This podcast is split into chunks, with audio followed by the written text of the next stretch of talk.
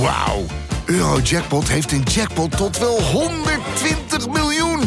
En dat is zoveel money. Daarmee kan je een weekendje weg. Met je vrienden. In space. Koop je lot in de winkel of op eurojackpot.nl. Eurojackpot. Een spel van Nederlandse Loterij. Speelbewust 18+. Plus. We zijn terug uh, in het tijdperk van, uh, van voor 1989. Heeft u uh, Vladimir Poetin ooit ontmoet? Ik heb hem verschillende keren ontmoet. Ik was een grote fan van Vladimir Poetin. In het begin, als de eerste minister was, heb ik verschillende keren naar, naar Rusland geweest. De laatste keer in zijn dacha. En, en toen brak er iets. Dit is Betrouwbare Bronnen met Jaap Jansen.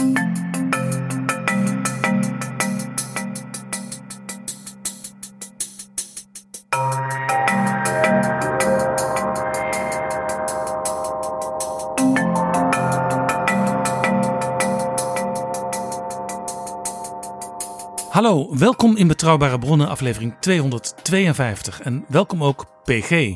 Dag Jaap. Het Rusland van Vladimir Poetin is Oekraïne binnengevallen. Een oorlog waarvan veel mensen dachten, of in elk geval hoopten, dat die in Europa niet meer zou gebeuren. Het zwartste scenario lijkt in gang gezet. Iedereen houdt zijn hart vast. Onze gast in deze aflevering is Guy Verhofstadt, co-voorzitter van de conferentie over de toekomst van Europa. Daarover straks. Eerst de Rusland-Oekraïne-crisis. Guy Verhofstadt was samen met Hans van Balen op het onafhankelijkheidsplein in Kiev tijdens de vorige grote crisis, die leidde tot het vertrek van de Poetin-gezinde president Yanukovych. En Guy Verhofstadt was ook premier van België in de periode 1999 tot 2008. En toen ontmoette hij met enige regelmaat Vladimir Poetin. Hij was zelfs te gast bij Poetin thuis op zijn dacha. En daar willen we natuurlijk ook alles over weten. Dit is Betrouwbare Bronnen. Welkom in Betrouwbare Bronnen, Guy Verhofstadt. U was een van de Europese leiders die in 2014 naar het onafhankelijkheidsplein in Kiev ging om daar het volk toe te spreken. Dat was op 21 februari 2014. Exact acht jaar later erkent Rusland Donetsk en Luhansk en stuurt ook troepen. Wat is op dit moment uw gemoedstoestand? Ik ben eigenlijk heel triest dat het gebeurt, ja. Uh, dat uh, Poetin uh, dat doet. Maar ik ben akkoord met u dat het waarschijnlijk niet toevallig is dat hij dat doet op 21 februari. Zoiets van een beetje theatraliteit zo.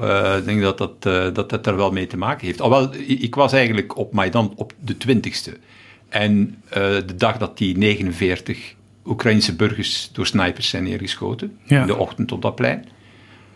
En men zei tegen mij uh, in het Europees Parlement: uh, je, kan niet, je kan niet naar Maidan. Er zijn 49 mensen doodgeschoten door snipers.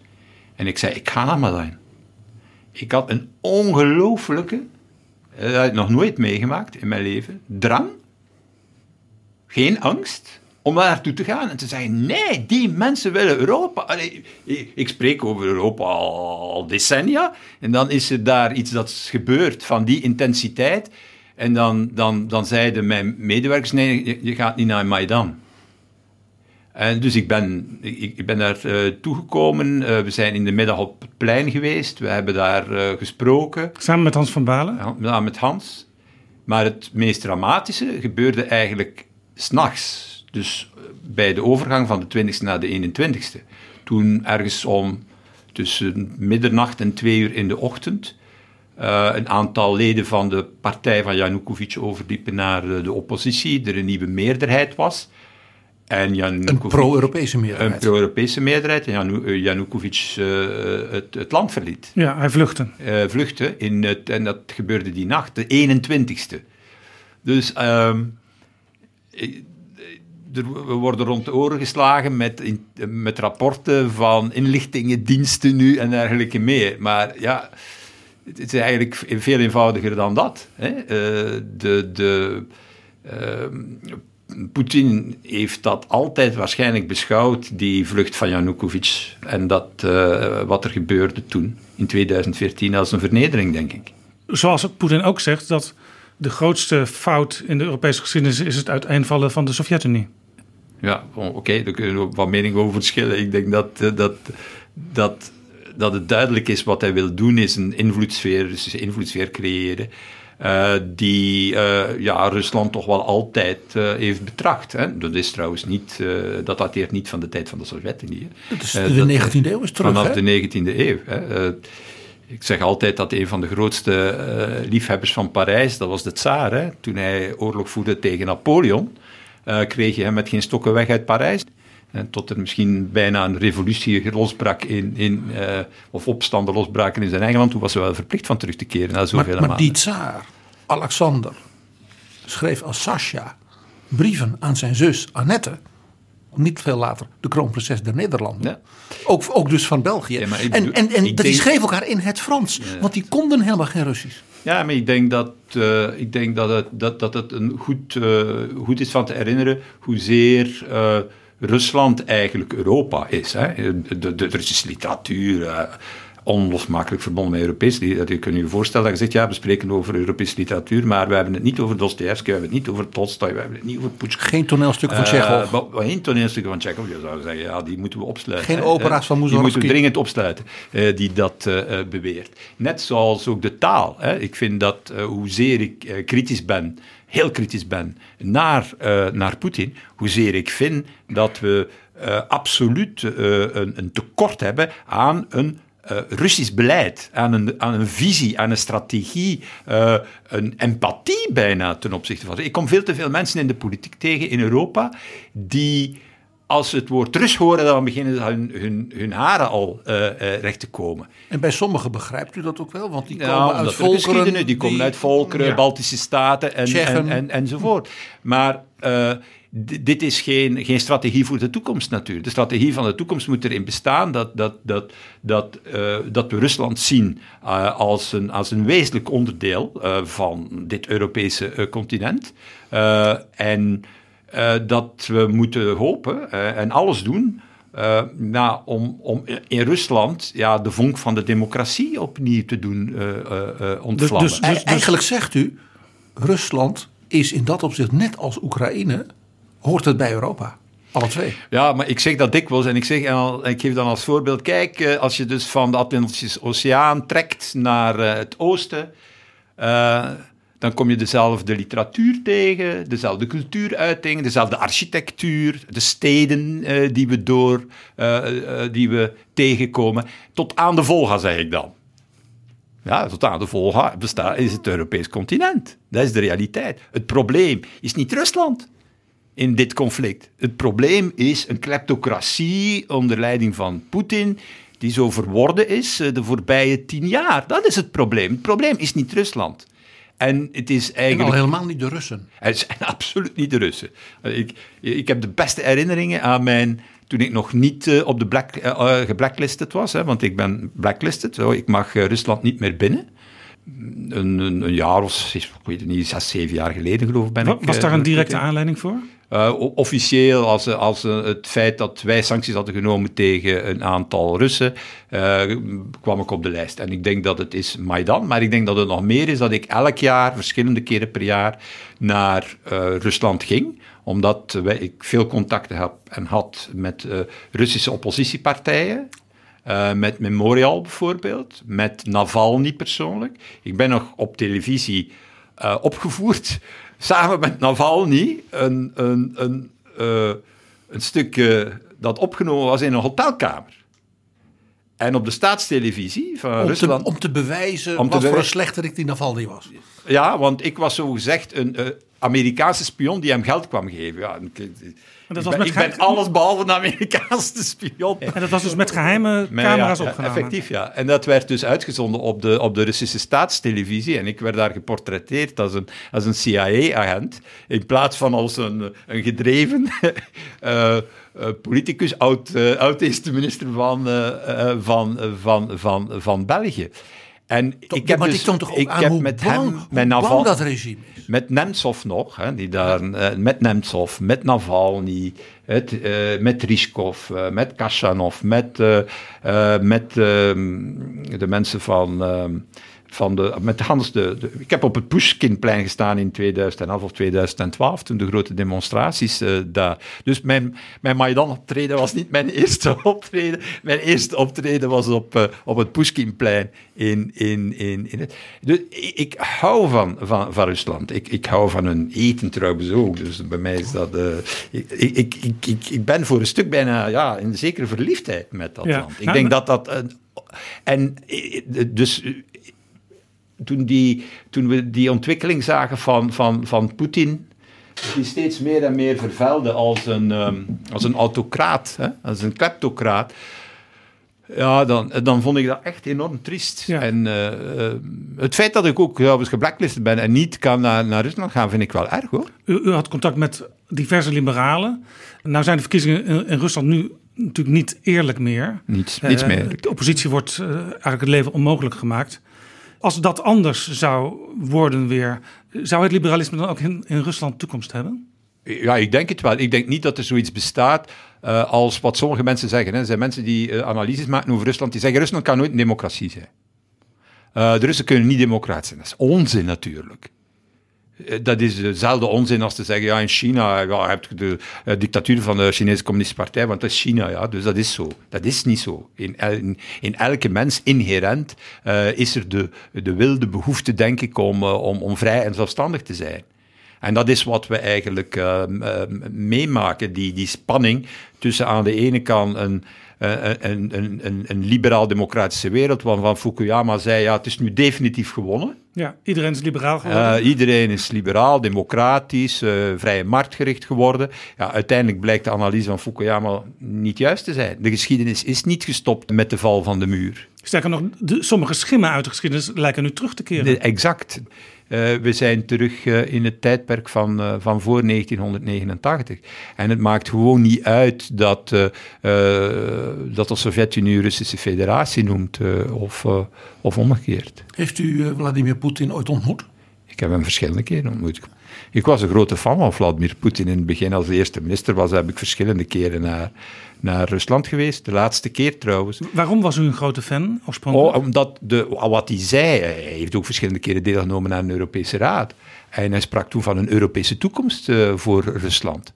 Helemaal niet een, uh, een, een, Slavische, maar een Europese toekomst voor Rusland. Dat was zijn grote, zijn grote stelling.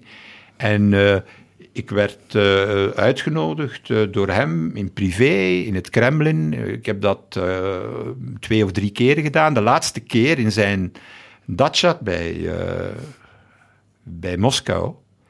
En, en, toen brak er iets. dat was het, de, het, het, ogenblik dat, dat enkele maanden na de moord op Politoskaya, die. Russische journaliste. En uh, waarvan men altijd denkt dat ja, het Kremlin daar op een of andere manier achter zat. Kwam dat aan de orde in het gesprek toen? Wel, uh, op een bepaald ogenblik uh, breekt hij de vergadering op, Poetin. Of hij zegt nee, kom, laten we samen wat, laten we hier maar diplomaten verder doen. En hij leidt mij dus rond, hij zelf, wij samen in, in de dacha, toont zijn pony waar hij doodverliefd op is. Uh, we zitten in van die lelijke semi-lederen zetels in zijn living. Uh, veel te groot, stel, veel te groot ook. Hè? Ja, veel te groot. Ja. En ik stel een vraag die ik absoluut wou stellen over Politoskaya. Zeggen, ja, hoe kan je nu, hè, die de heerser van Rusland brengt, dat niet ophelderen? Zo, dat was mijn punt. En toen was er zo een, ja, een, een soort een breuk in het gesprek, in de relatie, die mijn zin is nooit meer iets goed gekomen. En dan van dan af is mijn kijk op, op, op, op Poetin uh, beginnen veranderen, beginnen uh, wijzigen. Ik, uh, ik, kwam dan in contact met die, die, de, de Russische democra democratische partijen. Is Poetin veranderd? Of zou je kunnen zeggen, ja, hij, hij was nu eenmaal ja, de man van de geheime sommige dienst. Sommige mensen zeggen nu, ja, hij was altijd zo. Hè. Dat, dat is van in het begin zo. Je kan ook zeggen, ja, als Jeltsin nu misschien een andere keuze had gemaakt. En een Nemtsov als uh, de man daarvoor had geschoven. Wat, wat Rusland hadden we toen uh, gekend? Nemtsov die een fantastische, gepassioneerde, maar echt, uh, een echte democraat was. Die er dus in Rusland zijn. Ja. dat idee, Russen zijn door hun ziel en dat ja, kunnen dat onzin, niet. Onzin. Dat, dat zijn we over Duitsers natuurlijk ook. Ja, exact. Dus dat kan je over elk volk uh, zeggen. Ik weet niet wat wij zijn, Belgen, of wat jullie zijn. Nederlands, ik kan me wel iets bij voorstellen. maar om, dat is dus de, on, dat is de onzin van... Dat is, ja, dat is het categoriseren van, van een volk, van een... Dat is onzin. Russen zijn, zijn, zijn in... Eh, even democratisch of even eh, eh, als, als wij dat zijn. Wat, wat heeft Poetin voor belang bij wat hij nu doet met Oekraïne. De volgende nu voor, sancties, waarschijnlijk harde sancties. Daar heeft het Russische volk, daar hebben ook de mensen rondom Poetin persoonlijk geen belang bij. Nee, maar ik denk dat de omslag uh, nu. Hoe, hoe, komt het na, na, wat gebeurd is in de Krim en na de acht jaar gevechten, oplaaiende gevechten in de Donbass, dat hij nu die beslissing neemt? Ik denk dat veel te maken heeft met Wit-Rusland. Uh, namelijk in Wit-Rusland zag hij bijna gebeuren wat hij niet wou. Dat daar namelijk uh, een, ja, een, een, democratisch regime komt die misschien op een bepaalde dag zegt uh, ik wil tot de Unie. Nee, niet op een bepaalde dag zegt hij nu al zegt ik wil tot de Europese Unie toetreden en ik wil een veiligheidsakkoord met de NATO. Hè. En ik denk dat dat een, een, een, een, katalysator is geweest om te zeggen dit dit, dit kan niet. En ik denk dat het ook een manier is om zijn interne positie te verstevigen. En uh, de, ja, de, de, de, de, enorme steun die democraten hebben in Rusland, maar die natuurlijk niet kan gemeten worden. Ik kan die niet meten in verkiezingen. Ik hoor mensen soms zeggen, ja, heb je gezien uh, wat de oppositie maar heeft vergaard in, uh, in, in de verkiezingen? Maar er is geen enkele verkiezing sinds dat Poetin aan het bewind is die nog een, een, een, een transparante, democratische en echte verkiezing is geweest. Die kennen ze niet meer, meer dan uh, een decennia lang al. Dus ehm, ik denk dat wij dus dat wel, dat, dat, dat het voor hem een, een het, het bevestigen van zijn, autocratisch, uh, van zijn autocratisch regime. Hij, hij, gebruikt het eigenlijk om, uh, om, om, om zijn uh, kleptocratisch regime te verstevigen. daar dient het voor. En, en, en, hij heeft dat zo gedaan in Georgië. Hij doet het in Moldavië. Hij heeft het gedaan, meer met onrechtstreekse hulp, denk ik, in, in Wit-Rusland. Met heel veel schade tot gevolg, zelfs voor zijn eigen Rusland. Ja, maar zo redeneert hij niet. Het eigen Rusland voor, voor Poetin is toch hem en de omgeving, zijn kleptocratie, zijn oligarchen, die, die, die we eerlijk gezegd altijd met rust gelaten hebben. Hè? En Appelbaum die zei tegen ons, wat we in het Westen onvoldoende zien, begrijpen, is hoe bang of hij is. Hij, die zei, die, zei, die jonge mensen op die, in die tentjes, op dat Maidanplein met die vlaggen, dat is een nachtmerrie. Ja? Want als het daar kan, en als het zelfs in Belarus kan, wat een verschrikkelijke stalinistische dictatuur is, dan kan het dus ook in Moskou. In Moskou. En in Petersburg. het, het, gebeurde ook in Moskou. Toen ik daar juist over de demonstraties in, op, op het Pushkinplein, dat was twee jaar voor Maidan. Hè? De eerste protesten om werkelijk terug democratie te krijgen in Rusland starten niet in Oekraïne. Hè? Of niet in Wit-Rusland. Starten daar. Die zijn nergens, maar neergeslagen. Ja, ik heb uh, het aantal, ik denk dat het aantal doos was enorm. Navalny sprak, uh, Kachanov sprak, uh, Nemtsov sprak. Memoriaal uh, nam, het, uh, nam het woord. Maar het aantal politieagenten was minstens even, even indrukwekkend. Dus, en dat is angst. En dat is angst, ja.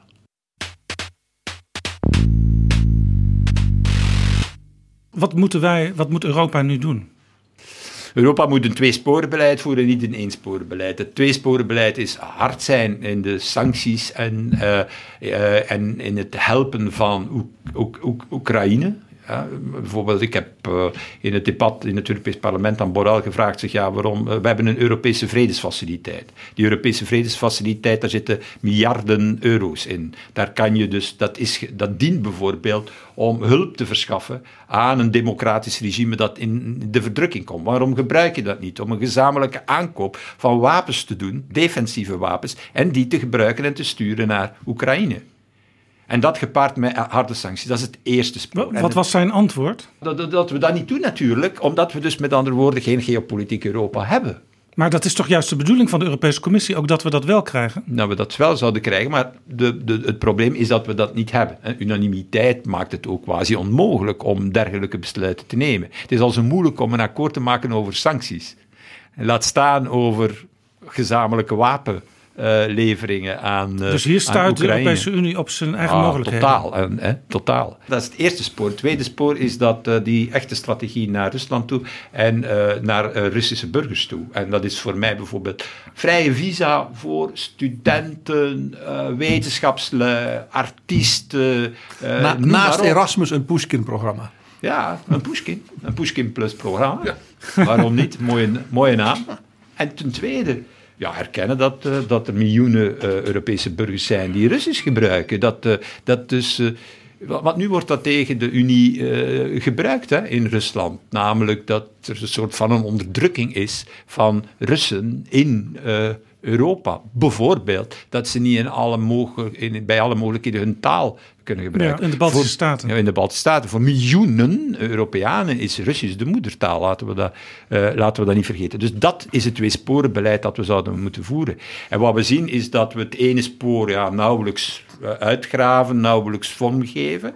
En het andere zelfs uh, helemaal niet. Uh, dus we zouden misschien zelfs het Russisch ook gewoon als Europese taal moeten omarmen. Ik, ik, heb, dat even, ik heb dat ooit even gezegd in een, in het, uh, in, in een vergadering in het Europees Parlement. U kreeg iedereen over u heen. En men zat al in mijn nek een aantal landen.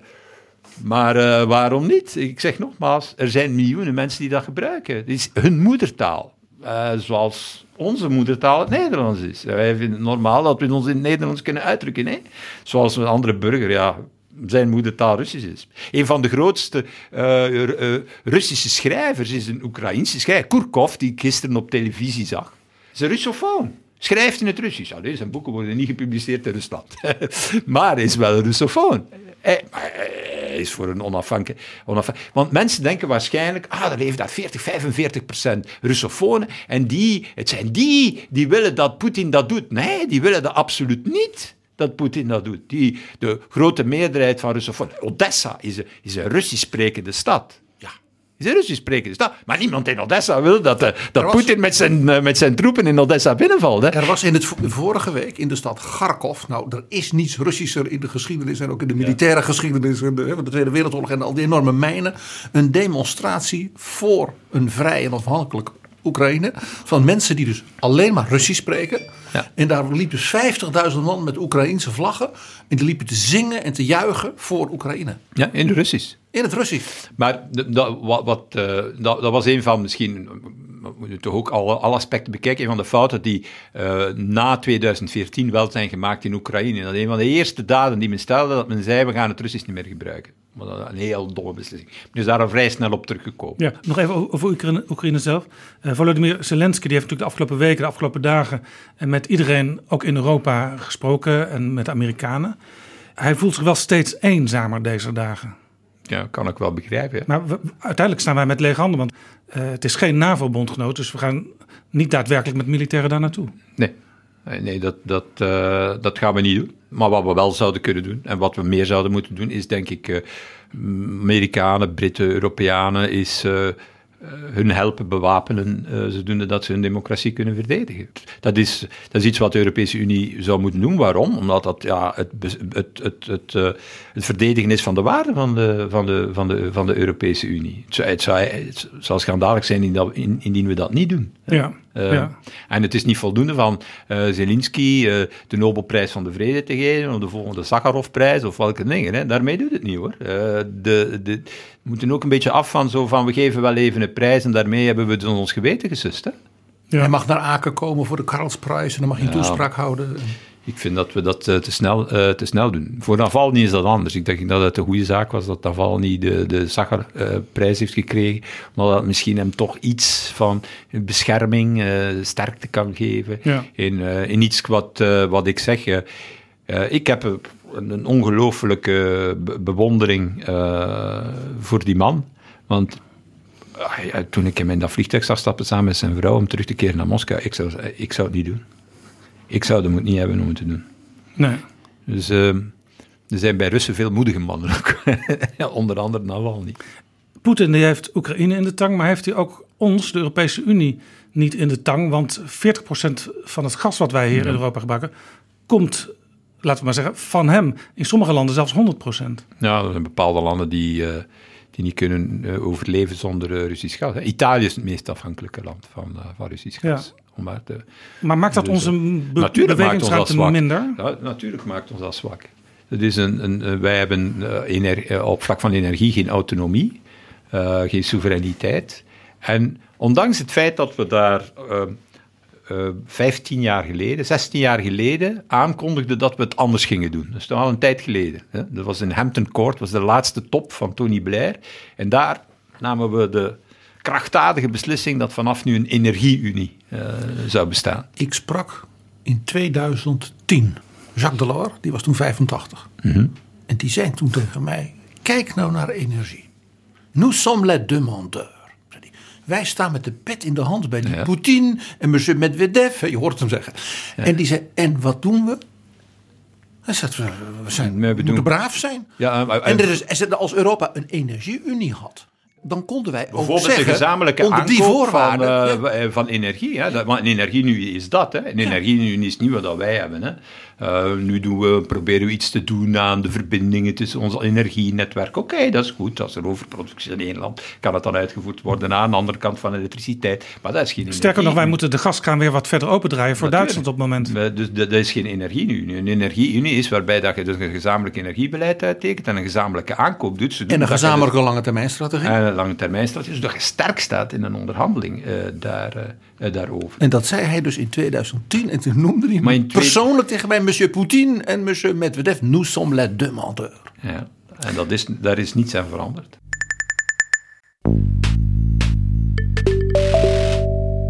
Dit is Betrouwbare Bronnen, een podcast met betrouwbare bronnen.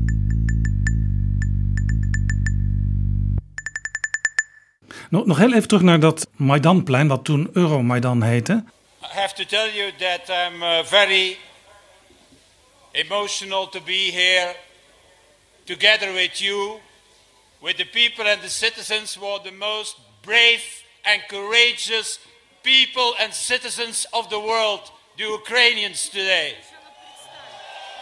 Я хочу вам сказати, що для мене є великою честю бути в цьому місті, де народ є сильним, мужнім і відважним. I have today had many of your people saying thank you to the European Union, but we don't deserve your gratitude. We have to thank you because you are defending European values and European principles and democracy. Hoe werd u daar beschermd? Want u zei, uh, mij werd gezegd, ga er niet naartoe, want dat is te onveilig. U ging toch? We waren daar uitgenodigd door een van onze partijen, die met, uh, ze noemden de Europa-partij geloof ik, als ik me niet vergis, dat is de naam. Maar dat was toen ongeveer de hele oppositie, was de Europa-partij. Ja, ja, maar die had zich specifiek de Europa-partij genoemd. Want het plein stond ook vol met Europese ja, vlaggen. enorm. Ja, dat was, en en, en uh, we werden daar uh, op bepaalde ogenblikken de namiddag, dus morgens waren die, om 8, 9 uur s morgens waren die, die doden daar gevallen. En dan werden we daar naartoe gevoerd en kregen we een, een kogelvrije vest om. En, had Hans van Bijl ook een kogelvrij vest? Ik geloof het niet. Er was op dat een formaat manier, had men niet. Nee, op een of andere manier ontbrak die geloof ik. Ja. You know, in the end, dictators can never win against their people. І ви знаєте, що врешті-решт диктатори не переможуть проти свого народу, якщо вони повстають. Never ever give up. Ніколи не здавайтесь. We are with you. We don't go. We stay with you. Ми з вами, ми не йдемо, ми залишаємось. Long live a democratic Ukraine. Thank you. Хай живе демократія в Україні. Dякую. Hij had geen schrik en hij stond daar. En ik denk niet dat hij een rode vest had. Hij was de enige waarschijnlijk. Wat is u het meest bijgebleven van dat moment dat u daar stond en dat u dacht, nou moet ik tegen die jonge mensen in die tentjes wat zeggen? Maar nee, de, de, ja, de een soort van uh, passielieden voor Europa. Europa is voor hen, uh, ja, dat is, de, dat is de onafhankelijkheid, dat is de vrijheid. Daar, dat zag je in die ogen, dat zag je in wat iedereen zei. We zijn degene die op dat op dat podium de sancties hebben aangekondigd. Want dat had maanden geduurd vooraleer dat de Unie in staat was om sancties te doen. Per toeval, als wij daar landen en enkele uren daarna nemen de ministers van Buitenlandse Zaken van de, van de, van de Unie de sancties aan. Today, the European Union finally decide to put a decisive step and to start with sanctions against the regime in Ukraine. Visa, visa ban, freezing of assets, and that's only a beginning. Сьогодні Європейський Союз офіційно вирішив ввести санкції проти лідерів партії регіонів. А також, а також заморозити їхні рахунки. I should say finally because we had to take the decisions already far longer weeks and weeks ago. І я маю визнати, що це все ж таки відбулося, тому що це займало 4 довгих тижні. But we have not only to do that, we have also with the European Union to prepare a positive package for the Ukrainian people, a financial package, and also a visa free regime for ordinary citizens in Ukraine. І це ще не все. Ми хочемо запропонувати українському народу вільний в'їзд до країн Європейського Союзу.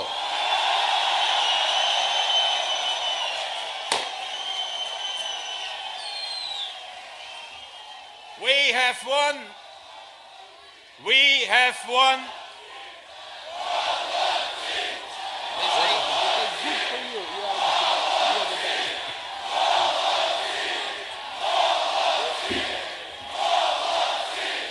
En wij stonden en konden de sancties. Er zijn sancties. Wauw, eindelijk doet Europa iets. Eindelijk doet Europa iets, dat was het.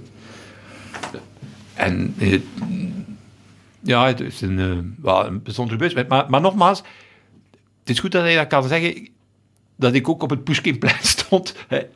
Uh, want in feite gaat het over hetzelfde hoor. Of dat je op dat Pushkinplein staat of op Maidanplein of op welk danige straat uh, dat je nu zou kunnen lopen of had kunnen lopen in Minsk of zo. Het gaat het over hetzelfde, namelijk uh, en, niet over de veiligheid en niet over de NATO. Het gaat over, ja, kan ik, kan ik, in, een, kan ik in een democratisch systeem blijven waar ik mijn ding kan doen? Ja, waar ik, ja. uh, da, da, daar gaat het de over. Europese Unie daarvoor, dat zijn slechts instrumenten tot een doel. Effectief, maar een instrument daartoe. Um, en tot nu toe het minst slechte dat we hebben, zou Churchill Ja, zeggen. alhoewel, ik kan er wel veel over zeggen. Ik, ik zou toch wel... Het, is, het, het, het, het, werkt, het, het werkt, maar het werkt niet goed, hè. Daarvoor hebben we die toekomstconferentie, toch? Ja. Ja, laten we, daar, laten we het daarover hebben, die ja, toekomstconferentie. Daarvoor hebben we die toekomstconferentie. U, u bent voorzitter van uh, de... Eén van de Conferentie over de toekomst van Europa. Uh, samen met op dit moment Clément Beaune namens het uh, Franse voorzitterschap. En uh, nog een mevrouw van de Europese Commissie. Mevrouw Svica Dubravka, uh, vicevoorzitter van de Europese Commissie. Nou staat u al zo'n beetje uw hele leven bekend als uh, voorstander van de Verenigde Staten van Europa. Kunt u dan wel zo'n conferentie leiden waar bijvoorbeeld de uitslag nog niet vaststaat? Um, ja, omdat ik... Ik heb altijd de overtuiging gehad dat de, de, de, de, categorieën die wij van burgers maken in hun denken over Europa niet kloppen, vals zijn.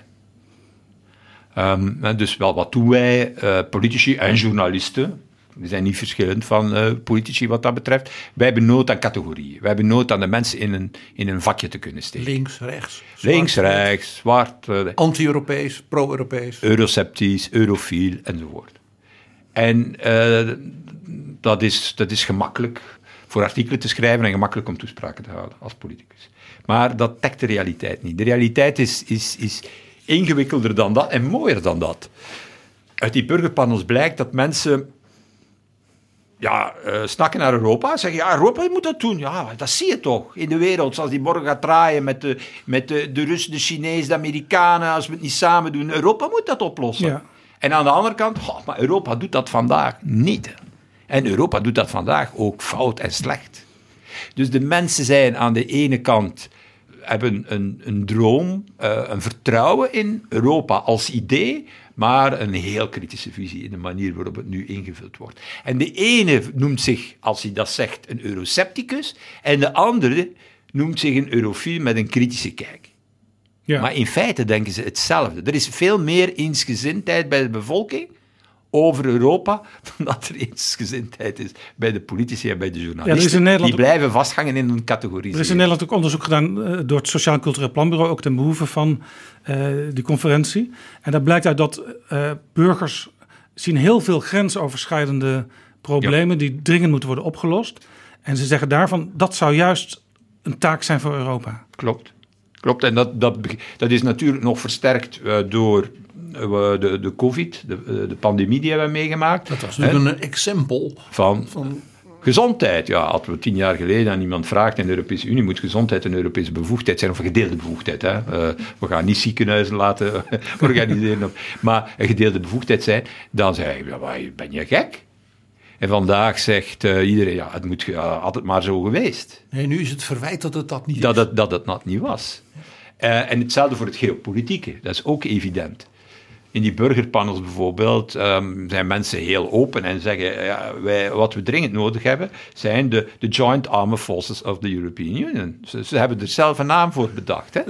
Taboebegrip, hè? Ja, niet, maar ze gebruiken niet het Europees leger. Hè. Ze zeggen de Joint Armed Forces of the European Union in, in, in, in aanbeveling. Ja, Europees leger is trouwens ook een raar begrip, hè, want ook de NAVO heeft geen eigen leger. Nee, nee, natuurlijk niet. Maar dus dat, dat, dat, het is een, een goede, verstandige eh, omschrijving, zou ik zeggen dus er is over Europa in de publieke opinie veel meer gezond verstand. Moet ook soms dan, dan, dan, dan wij als, als politici uh, uh, durven, uh, durven toegeven. We doen ons, ons op de klassieke lijn verder categoriseren, hè, zoals het in een, ook in een referendum past. je bent voor of je bent tegen. Terwijl de oefening van de conferentie met die burgerpanels juist het omgekeerde is. We proberen namelijk niet het onderscheid tussen de mensen te zien, maar te zien waar de visies van al die burgers convergeren. Ja, u zegt burgerpanels. Wie nemen er deel aan die conferentie? Um, in, in, totaal zijn dat op Europees vlak, want er zijn nationale burgerpanels, er zijn Europese burgerpanels, er zijn dan de individuele deelnames van burgers aan een, aan een digitaal platform dat we hebben gemaakt. Maar het centrale van de oefening zit natuurlijk in die Europese burgerpanels, omdat je daar voor het eerst transnationaal, pan-Europees mensen samenbrengt. Dus daar zit een Griek met een let, een ja. Ier en een Portugees. Eh, allemaal die... samen. Evenveel mannen als vrouwen, iets meer vrouwen dan mannen. Die zijn uit alle sociaal-economische uh, categorieën. er zijn werklozen bij, er zijn mensen er zijn met heel veel jongeren, begrepen. En er zijn een oververtegenwoordiging van jongeren er zijn een derde jongeren tussen uh, 16 en 25. Maar waarom is dat? Omdat een derde van de bevolking jonger is dan 25. En wij willen dus dat die jongeren van 16 tot 25 ook de opdracht krijgen van de Hanse jongere populatie te vertegenwoordigen. Want het is moeilijk natuurlijk van een baby of een kleuter van 2, 3 jaar uit te nodigen. En, en, dat, maar hij moet wel vertegenwoordigd zijn. Door wie moet hij vertegenwoordigd zijn? Door zijn oudere broer. Door zijn oudere broer. Of zus. Mensen hebben zich daarvoor opgegeven. Eh, maar niet iedereen werd binnengelaten. Dus er is een selectie gemaakt om het een beetje in, in, balans te krijgen. ja, dus Kantar heeft dat gedaan. Dat is een, Kantar is een, een, een, een vrij gereputeerd goed uh, onderzoeksbureau uh, die normaal werkt voor de Europese Commissie. En om het niet moeilijk te maken hebben wij gewoon het bestaande contract van Kantar gebruikt om te vragen om die selectie uh, te doen. Wij hebben dus niets met die selectie te maken. interessant is dat bij die 200, want dus dat zijn vier panels van 200, dat daar telkens 100, meer dan 190 mensen in zitten, die niets, maar dan ook nooit niks met politiek te maken hebben gehad, die nooit met de Europese Unie in contact zijn gekomen. Het geen, zijn geen kinderen van Europese ambtenaren? Nee, absoluut niet. En dat is, zo, het is dus niet uh, een, een, een soort vervolg van de, Euro, van de bubbel in Brussel. Hè, of de bubbel waar dan ook, in welke hoofdstad dan ook. Die mensen zijn, uh, oefenen natuurlijk wel. Ze zijn in totaal negen dagen met elkaar samen. Ja, nou heeft president Macron, die heeft in Frankrijk, naar aanleiding van de gele hesjes, heeft hij ook burger... Uh, klimaat, ja. Forums georganiseerd. Uh, dat was, maar één voor het verschil. Dat was toen heel erg in het nieuws. Maar dit, de gemiddelde Nederlander weet niet dat dit op dit nee, moment nee, maar dat is ook niet de bedoeling. Dit is geen propagandastunt. Dit is niet iets dat we organiseren om te zeggen, oh, iedereen moet het weten. Zie een keer hoe goed dat we zijn, de Europese Unie. We betrekken burgers bij de oefening. Het zijn Dank geen reclamefilmpjes. eh, Nee? U moet voor Europa gaan stemmen en dat Nee, soort dingen. Dat is het niet. Wat we willen, wat we willen doen met die burgerpanels is effectief te weten komen wat de mensen willen. Maar meer nog, want eigenlijk weten we dat uit de Eurobarometer en zo. Meer nog, ja, de stem van die burger gebruiken om de obstakels te overwinnen die we traditioneel altijd tegenkomen wanneer we iets willen doen in Europa. En welke zijn dat? De- eh, dat zijn ja, die, eh, die krachten die vinden dat, eh, eh, ja, dat we een soort van intergouvernementeel Europa moeten hebben. Gestoeld op unanimiteit, waarbij de 27 altijd het licht op groen moeten eh, zetten vooraleer er iets kan gebeuren. Maar we zien dat het in de wereld van vandaag ja, catastrofale gevolgen heeft. Dat we altijd te laat, te zacht En dat blijkt dus eigenlijk uit die gesprekken dat de meeste mensen dat ook wel zien. Dat je op die manier geen. Er zijn aanbevelingen die daarover gaan. Van burgers zelf, die zelf tot die conclusie komen. En wat, wat zo interessant is, die aanbevelingen zijn dan heel evenwichtig. Die zeggen, ja, we zouden eh, de unanimiteit eh, moeten terugbrengen. Dat zou enkel moeten gelden wanneer het gaat om nieuwe lidstaten die toetreden. Of wanneer het gaat om de fundamentele beginselen van de Unie. Wanneer we die moeten definiëren. Verstandig, evenwichtig, niet?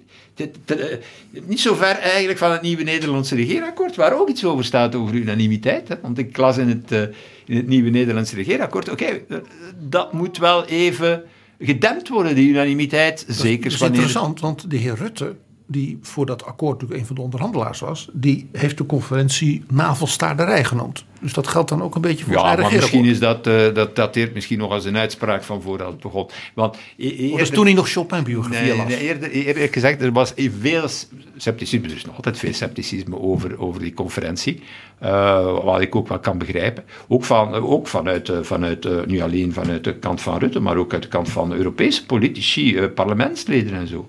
En nationale parlementen die zeggen, maar is dat hier een oefening om ons te vervangen of zo? Eh, eh, eh, en gaat dat ons niet overschaduwen? En het antwoord is absoluut nee. Ik denk dat de democratie in de toekomst absoluut er anders zal uitzien dan in het verleden. Het zal op twee sporen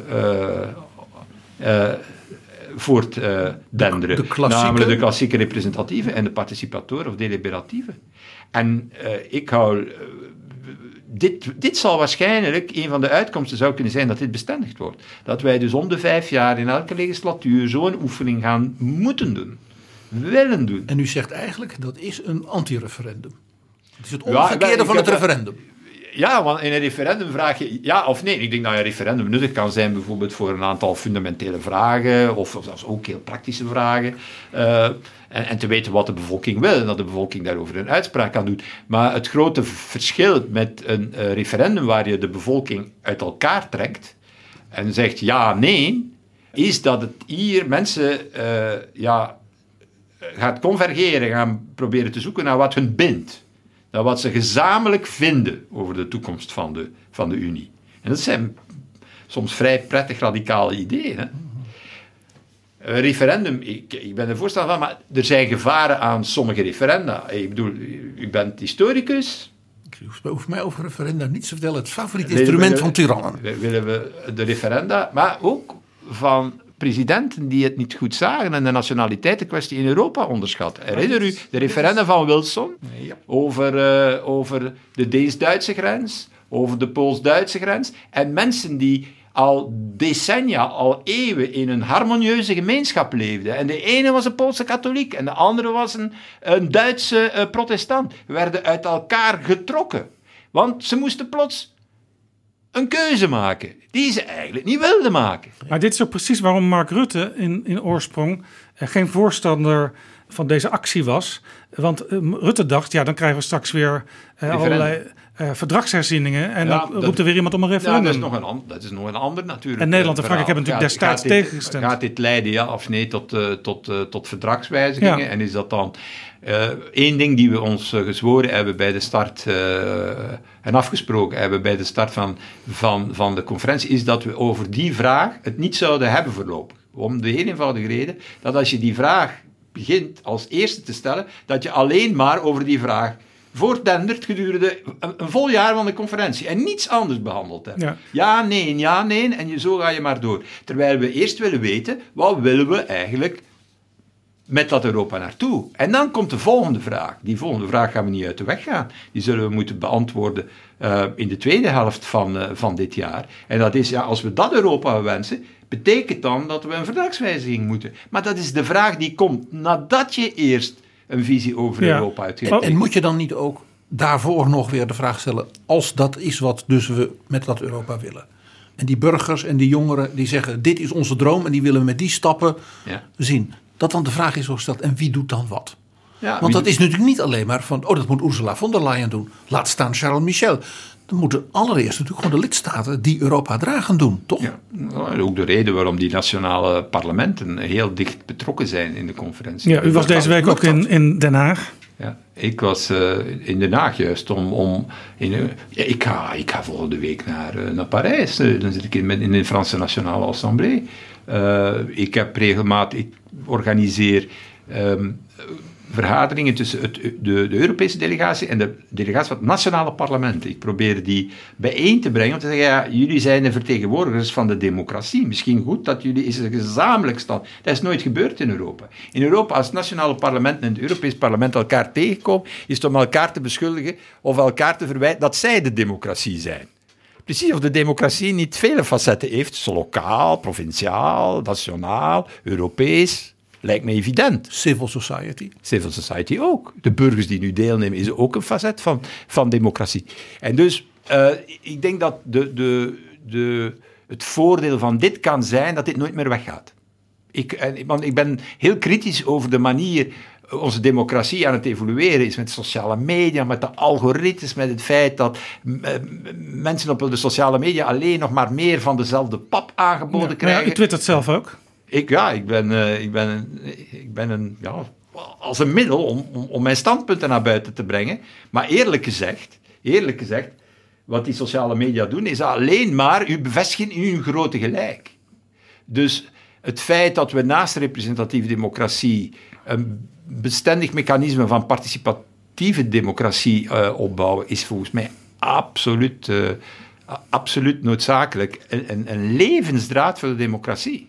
Ja, het Franse voorzitterschap wil dit half jaar conclusies gaan trekken. Is dat moment het juiste moment of zou er nog wat langer doorgepraat moeten worden? Ja, kijk, eh, ik was in het begin van de opvatting, oh, we hebben maar een jaar, is dat genoeg, uh, enzovoort. Uh, maar met kleine ervaring in de politiek gezegd, als je aan politici meer tijd geeft om besluiten te nemen, die gebruiken ze toch niet. Ze wachten toch tot het einde, tot het laatste moment. Dus denk ik eerder dat uh, dat dit beter is. Namelijk, we zitten onder een zekere tijdsdruk. We u, moet tegen, u moet wel. U moet wel. We moeten tegen, wij, wij zitten met onze rug tegen de muur. De aanbevelingen worden geformuleerd. Wat doe je er nu mee met die aanbeveling? En dat lijkt mij een beter iets dan te zeggen: Oh, we gaan nog eens een jaar nemen voor uh, daar verder over te reflecteren. Mijn ervaring is dat als je dus veel tijd geeft, of uh, dat die tijd toch niet gebruikt wordt. Dat toch gewacht wordt tot de laatste week, de laatste maand, vooraleer de resultaten moeten worden afgeleverd. Heb ik altijd zo meegemaakt. Misschien is dat een te eenzijdige kijk op Belgische politiek dat ik nu vertaal naar politiek in het algemeen, maar ik denk het niet.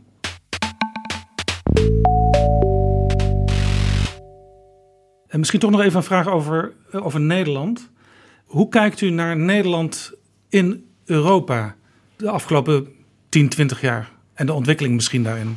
Als een, pro-Europees land dat onder de invloed van budgettaire beslommeringen in de Unie uiteindelijk zoveel keek naar alleen het kostplaatje. Met als gevolg dat toen er dan een referendum werd georganiseerd, iedereen zei ja, het kost te veel. natuurlijk, als je eerst twintig jaar zegt dat het te veel kost, dan, en dan vraag je wat denk je van. Uh, dan, roep je, dan roep je het als regering ja, over jezelf ja, dan, dan denk je, het kost te veel. Hè. Maar ik zie wel een omslag. Een omslag met een nieuwe, met een nieuwe kabinet. En, Daar lees ik zaken in die ik nooit in het verleden heb gelezen. Wat leest u? Bijvoorbeeld, uh, wij moeten naar unanimiteit kunnen kijken. Bijvoorbeeld, wij moeten het spitskandidatensysteem uh, openstaan om daar veranderingen in te brengen. Dus dat wil zeggen, we praten over een transnationale uh, democratie. Dat, de, ja, ik, ik, zie daar openingen in die, die, die, die vroeger bijna ondenkbaar waren. Ja. Wat er ook in staat, is heel opmerkelijk, is dat Nederland in een soort kopgroepen aanvoerdersrol wil hebben op thema's waar Nederland van zegt, nou daar zijn wij toch best goed in. Dat kan zijn hè, water en alles rondom water en klimaat, maar ook uh, in ruimtevaartdingen. En, dat is heel opmerkelijk. Uh, laten we niet vergeten dat de, de, uh, als er vandaag een interne markt is en een douane-unie, dat, dat zijn we in Europa, ook is het nog niet compleet, ja, dat is een was een, een, Nederlandse suggestie nadat in 1955 de Europese grondwet mislukt was. En, en, en, en, en die arme ministers van Buitenlandse Zaken van onze zestigende leden samen zaten en zeiden: wat gaan we nu doen? Die, die Fransen hebben dat afgestemd. Wat doen we nu? En de Nederlanders kwamen met het idee, misschien willen we misschien even langs de economische kant bekijken. Hoe Hollands ook, hè? Ja, maar dankzij, maar dankzij dat is het, het verdrag van Rome, de douane-unie, is daar de vertaling van. Want iedereen is vergeten wat u in uw prachtige boek over schrijft. Dat Heinrich von Brentano al een complete, nuchtere, bijna zo doorvoerbare grondwet voordat Europa had. Ja, dat is een, een, een blinde vlek in, uh, in, de, in de geschiedenis van de Unie alles waar we nu over spreken, hadden de, de, de, de stichters van de Unie, de, de, vaders van de Unie, al bedacht. En wouden zij realiseren. In de jaren 50. Een grondwet. Een Europese defensie. Met een Europese begroting. Die grondwet heeft zelfs bijlagen rondom burgerrechten, hoe het zich afstemt met de NATO. Europees parlement. Hè? Dus dat werd toen al beschreven en men heeft er daarna nog uh, tot 1979 over gedaan voordat het werd uh, uh, gerealiseerd. En ja, er is toen iets gebeurd. En eh, wat ik noem het tragisch moment van de, van de Unie, dat is namelijk dat afstemmen van de Europese Defensie-Unie in de Franse Nationale Assemblée. Dat heeft de boel uh, heel lang achter, achterop ah, gezet. natuurlijk. Dat heeft, dat heeft, dat heeft uh, dat was, een, dat was een, het was een drama eigenlijk, een tragedie dat dat werd uh, weggestemd daar. En, en, daarom is het zo grappig, dat is dus nu de president van Frankrijk. Het was Pierre Mendes France, die toen eerste minister was en het project niet verdedigen. En nu zijn het de Fransen die het, met andere woorden... Ik vind dat het, in, het inlos van historische schuld die ze nu doen, vind ik. Namelijk van de... de, de, de van de want je moet u de vraag stellen, kan u zich voorstellen... Uh, wat de wereld zou zijn vandaag, wat Europa zou zijn vandaag, wat zou gebeuren of niet gebeuren in Oekraïne, indien in 1955 de Franse Nationale Assemblée ja had gestemd. Net zoals een andere fantastische vraag. Kan u zich indenken wat er was gebeurd indien in het Britse lagerhuis de motie van Winston Churchill was aanvaard om toch aan de EGKS mee te doen? Er zijn zo van die cruciale momenten waar Europa het, zo het moment laat ja, voorbij gaan. En, Dreigt nu weer zo'n moment? Ik heb de indruk dat er iets veranderd is in Europa. Ik zie een Franse president die echt pro-Europees is. Niet zomaar vanuit de, uh, vanuit de buik zo. Al wat goed is voor Frankrijk is goed voor Europa. Want dat is de klassieke pro-Europese houding van Frankrijk. Dat is niet het geval met Macron. Die heeft een visie over Europa. Je kunt er mee akkoord zijn of niet mee akkoord zijn. Ik zie een Duitse regering die het meest uh, federale uh, pamflet over Europa heeft geschreven dat de laatste tijd is verschenen. Ja, die, die, die pleiten zelfs in hun regeerakkoord al voor verdragswijzigingen. effectief. Ik zie een Nederlands kabinet dat zegt, ja, unanimiteit, daar gaan we toch wel iets moeten aan doen, want er zijn een aantal domeinen waar we dat eigenlijk zouden... Heeft u eigenlijk ook als directe liberale collega inzicht in wat nou precies de Europavisie van Mark Rutte is, door de jaren heen? Ja, denk dat wel, maar ja, hij is, kijk, hij is, de, de regeringsleiders zijn regeringsleiders die zitten in de raad. Ik heb ook in de raad gezeten. Ik heb toen nooit een boekje geschreven, de Verenigde Staten van Europa. En ik kwam toen binnen de dag, een week daarna, twee weken daarna, een maand daarna, ik weet het niet meer, in de Europese Raad. En dan mijn collega's zeiden, zeg, uh, gaat het niet goed? U wijst nu naar uw voorhoofd. dat dat ziet onze luisteraar niet, maar dat is wat ze zeiden. Maar dat was geen Chopin-biografie, dat boek?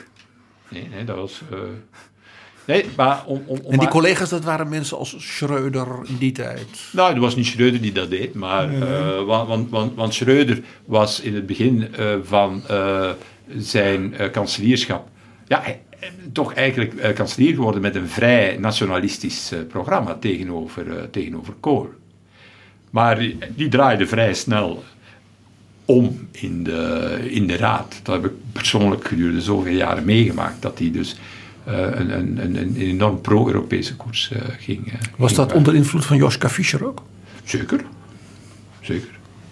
Ja, Joska, Joska en, de, en de Groenen in, in, in Duitsland algemeen. Maar ook de FDP en de Liberalen in, in, in, in Duitsland zijn een zeer pro-Europees partijtje die over een Europese defensie wil praten. Dat is ja, Ah, nee, wanneer het gaat over, uh, over, over uh, de, de, de begrotingszaken en de fiscale unie, dan komen natuurlijk bezwaren. En dat is natuurlijk veel te maken met de uitspraken van hun grondwettelijk hof, van Karlsruhe. Die zegt, ja, je kan Duitsland geen financiële lasten opzadelen ehm, die, ja, die niet voorzien zijn in het verdrag.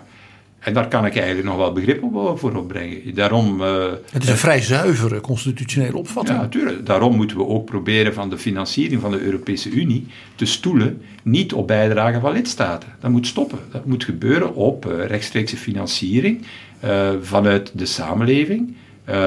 de zogenaamde eigen middelen van de Unie, zoals het oorspronkelijk trouwens voorzien werd in het verdrag van Rome. In, uh, U heeft in, de Tweede Kamer in de hoorzetting uitgelegd wat het Carbon Adjustment Border Mechanism is. Ja, dat kan, en dat, dat, kan een van die eigen middelen worden. Ja, en dat u daarbij, u stipte daarbij aan.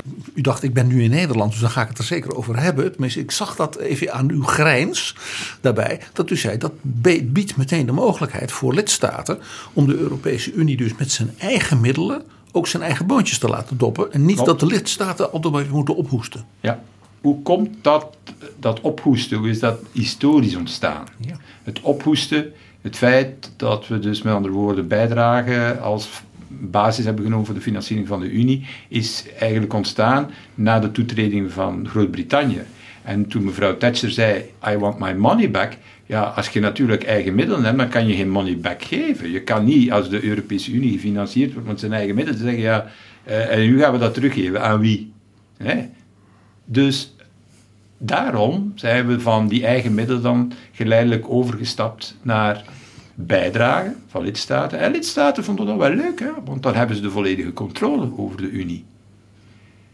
Dat speelt ons nu nog altijd parten. Ja, Nederland is ook het, het langst tegenstander gebleven van een Europees herstelfonds, wat er uiteindelijk wel kwam.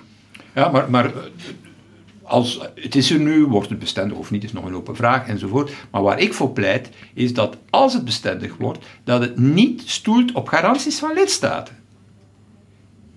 Het moet uh, gestoeld zijn op eigen middelen. En dus die eigen, eigen middelen moeten geloofwaardig zijn. Ze doen dat de markten geloven in dat fonds. En in de, in de obligaties die door dat fonds wordt uitgegeven. Nu is... Eh, en, en dan vermijden we de bezwaren van Karlsruhe of de bezwaren van uh, van Nederlandse economen daarover. Terecht, die terecht zijn. Die, die, hè, want het is gemakkelijk uh, geld uit te geven dat door een ander gegarandeerd wordt. Hè? Dat is gemakkelijk. Dat, is een dat willen we niet. Een beetje dat, dat, mag Europa niet willen. Europa, dus de, uh, een, een eurofiel moet durven zeggen: nee.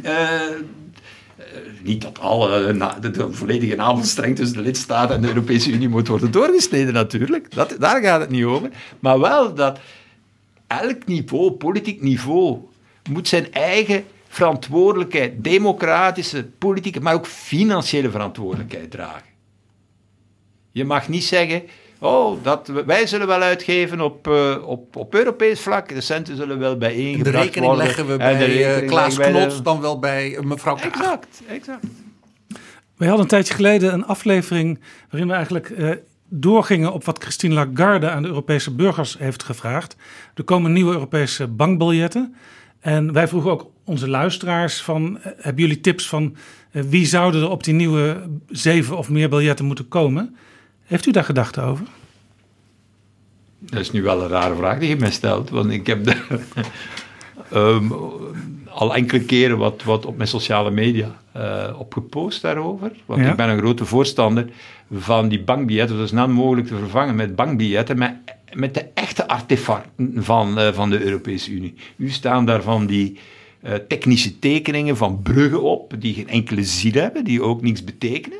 Juist, Eh, juist om te voorkomen dat die Juist ene om te Franse voorkomen, brug... om, om wat te voorkomen, om te voorkomen dat ik eh, de Ponte Vecchio niet wil zien. Op mij. Ik vind de Ponte Vecchio mijn Ponte Vecchio.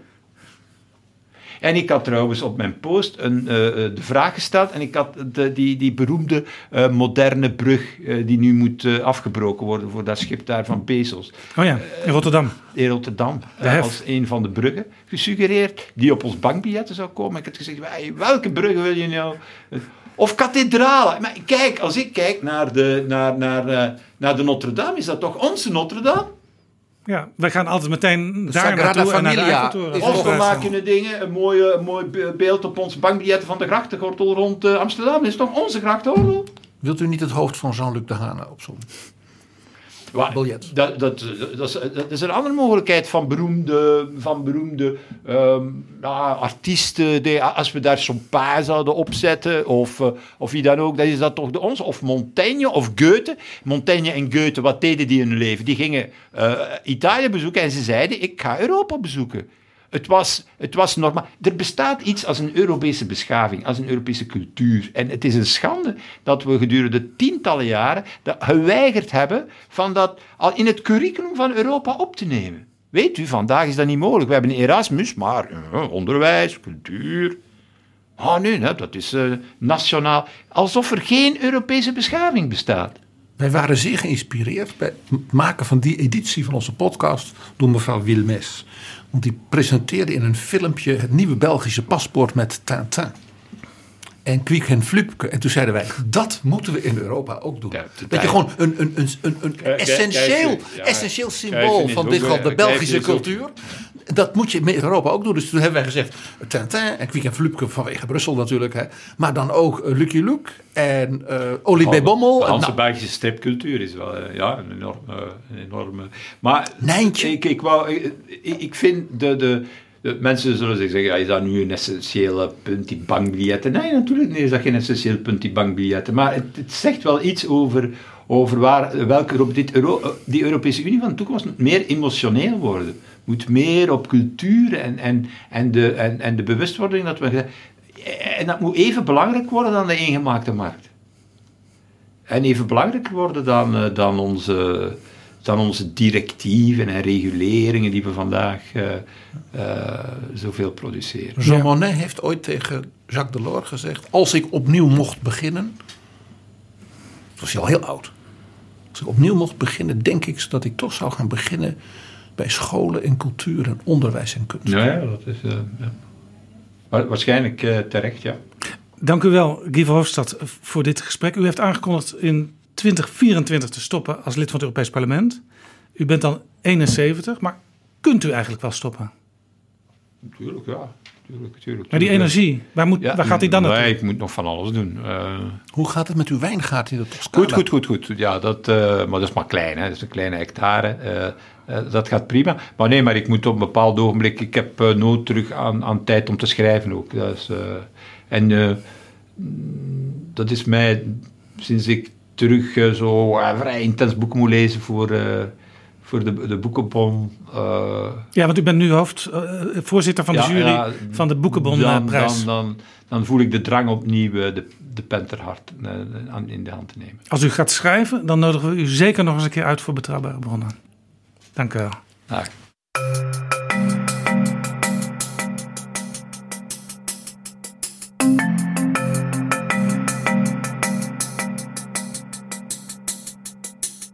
Zo, dit was Betrouwbare Bronnen, aflevering 252. En deze aflevering is mede mogelijk gemaakt door de Europese Unie en door de vrienden van de show. Luisteraars die ons met een donatie helpen nog veel meer afleveringen te maken. En we hebben de afgelopen dagen ook weer een aantal nieuwe vrienden kunnen bijschrijven. Leo, Thijs, Jessica, JP, Wilco, Michiel en Nick. Allemaal hartelijk dank. Wil jij ook vriend van de show worden? Ga dan naar vriendvandeshow.nl slash bb. Tot slot aan iedereen in deze tijd van oorlog in Europa sterkte. Tot volgende keer. Betrouwbare bronnen wordt gemaakt door Jaap Jansen in samenwerking met dag en nacht.nl.